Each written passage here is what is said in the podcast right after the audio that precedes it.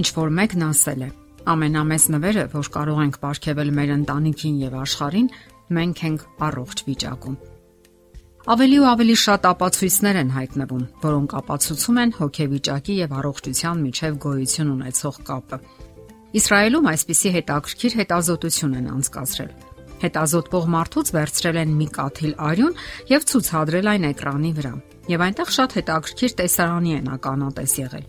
Ահա բակտերիաները, որոնք դանդաղ շարժվում են, ահա եւ մակրոֆագերը, արյան մարմնիկները, որոնց պարտականությունը հետևելն է արյան մաքրությանը։ Նրանք այսպես կոչված սանիտարներ են, որոնք ախտահանում են արյունը։ Նրանց առաքելությունն է օտարածին բոլոր մարմինները հեռացնել օրգանիզմից։ Սակայն նրանք կարծես քնած լինեն։ Բակտերիաները անհոգ այս ու այն կողմ են շարժվում։ Կարծես գիշերային զբոսանքի են դուրս եկել իսկ միկրոֆագերը քնած են եւ չեն տեսնում նրանց։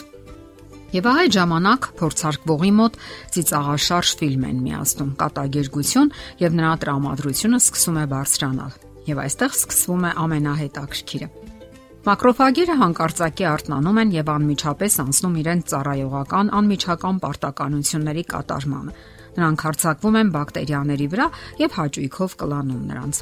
Հավանաբար ճաշի ժամն է եւ նրանք մեծ ախորժակ ունեն, սակայն ամեն ինչ իրականում շատ ավելի հետաքրքիր է։ Գիտակցություն մարմին կապը վաղուց է քննարկվում եւ բազմաթիվ ապացույցներ կան այդ մասին։ Սակայն այդ հետազոտության մեջ ամենահետաքրքիրն այն է, որ իմունային պաշտպանության բջիջները շատ հստակ ու նրբազգաց կերպով արձագանքում են մեր տրամադրությանը։ Սակայն դա դեռ ամենը չէ։ Նշենք եւս մի կարևոր պահ արյան կաթիլները առանձնացվել են իրենց տիրոջից։ Տերն այդ ժամանակ առանձին սենյակում է եւ նրա տրամադրությունը անհասկանալի կերպով ազդում է արյան կաթիլի վրա, որը գտնվում է մեկ ուրիշ սենյակում։ Նշանակում է գոյություն ունեն ինչ որ տեղեկատվական ուղիներ, որոնցով գիտակցության ալիքները կարող են ազդեցություն գործել այն առարկայի վրա, որը գտնվում է գիտակցության բուն աղբյուրից բավականին հեռու, սակայն այդ հետազոտությունը մեկ ուրիշ կողմ էլ ունի փորձարկվողի համար միացնում են հատվածներ սարսափ ֆիլմերից եւ ինչ է տեղի ունենում։ Հենց այդ նույն ժամանակ արյան կաթիլի մոտ տեղի են ունենում վայրի խենթ երևույթներ։ Անմիջապես ակտիվանում են բակտերիաները։ Նրանք հանկարծակի կենթանանում են, առույգանում եւ նույնիսկ շատանում քանակով եւ սկսում են տիրություն անել միջավայրում, իրենց զգալով ինչպես սեփական տանը։ Նույնիսկ սկսում են հարցակվել մակրոֆագերի վրա։ Սրանք սկսում են խույս տալ ու թաքնվել, փախչելով տարբեր կողմերի վրա, եթե իհարկե հասցնում են։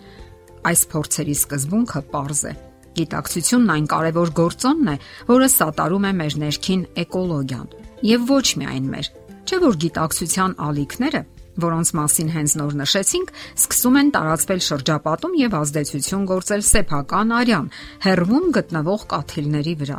եւ ոչ միայն սեփական։ Բայց չէ որ իմ զավակները եւ հարազատները իմ արյունն են։ Նշանակում է իմ տրամադրությունն ազդում է նաև իմ զավակների արյան մակրոֆագերի վրա, որտեղ էլ նրանք գտնվեն՝ կողքի սենյակում, թե հեռավոր մի երկրում։ Նշանակում է իմ գիտակցության վիճակը հաղորդակից է, այսպես ասած, ցեղային ժառանգական իմունիտետին։ Ինչ հետևություններ կարելի անել այս ամենից։ Մոռանալ եսասիրության մասին Շրջապատում այսպիսի տարածված բանաձև է շրջանառվում։ Սա իմ կյանքն է, ինչպես կուզեմ կվարվեմ նրա հետ։ Կարծում ենք այդ միտքը հնացել եւ ապրել է իր ժամանակը։ Արդյոք այդպես չէ։ Այժմ հարկավոր է այսպես հասկանալ կյանքը։ Իմ գիտակցության վիճակը պատասխանատու է իմ երեխաների, հարազատների ու մերձավորների իմունիտետի վիճակի համար Նշանակում է հարկավոր է գտնել ուրախության, պայծառության ու բավականության, երջանկության ու կյանքի լուսավոր կետերի ուղին եւ հարկավոր է անել դա առավելագույն քանակով ու տրամադրվածությամբ։ Մի քանի խոսքով անդրադառնանք այսպես կոչված նորման կազինսի երևույթին։ Կազինսը ծիծաղի օգնությամբ բուժել է մահացու անբուժելի հիվանդություններ։ Այդ հետևությանը նահանգել է հետևյալ խորհրդածությունների արդյունքում Եթե ակնհայտ է, որ բացասական հույզերը ճնշում են էնդոկրին համակարգը, հրահրելով տարբեր հիվանդություններ, ապա դրական հույզերը կարող են ակտիվացնել նրանց գործունեությունը, դառնալով առողջության հրահրիչներ։ Ընդ որում, ցանկացած մարդ ունի ապակինման այդ པարզ ու մատչելի միջոցը՝ ծիծաղը։ Հինավուրց ասացվածքը Ծիծաղը լավագույն դեղամիջոցն է, կամ ծիծաղը 6 վիտամիններ է պարունակում։ Այսօր առավել քան հրատապ է դառնում, ընդ որում ունենալով ֆիզիոլոգիական հիմնավորում։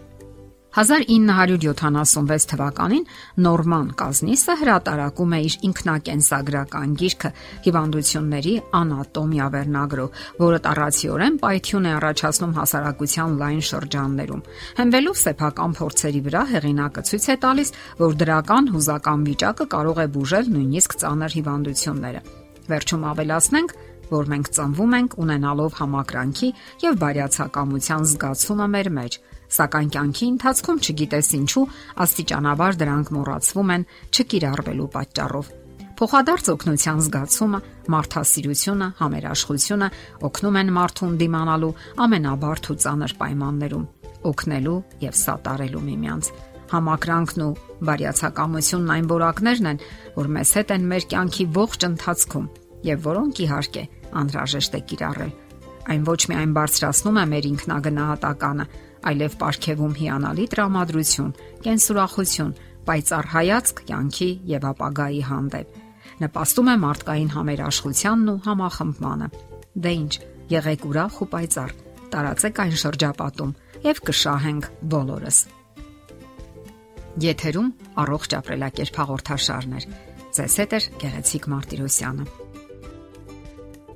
Հարցերի եւ առաջարկությունների համար զանգահարել 033 87 87 87 հեռախոսահամարով։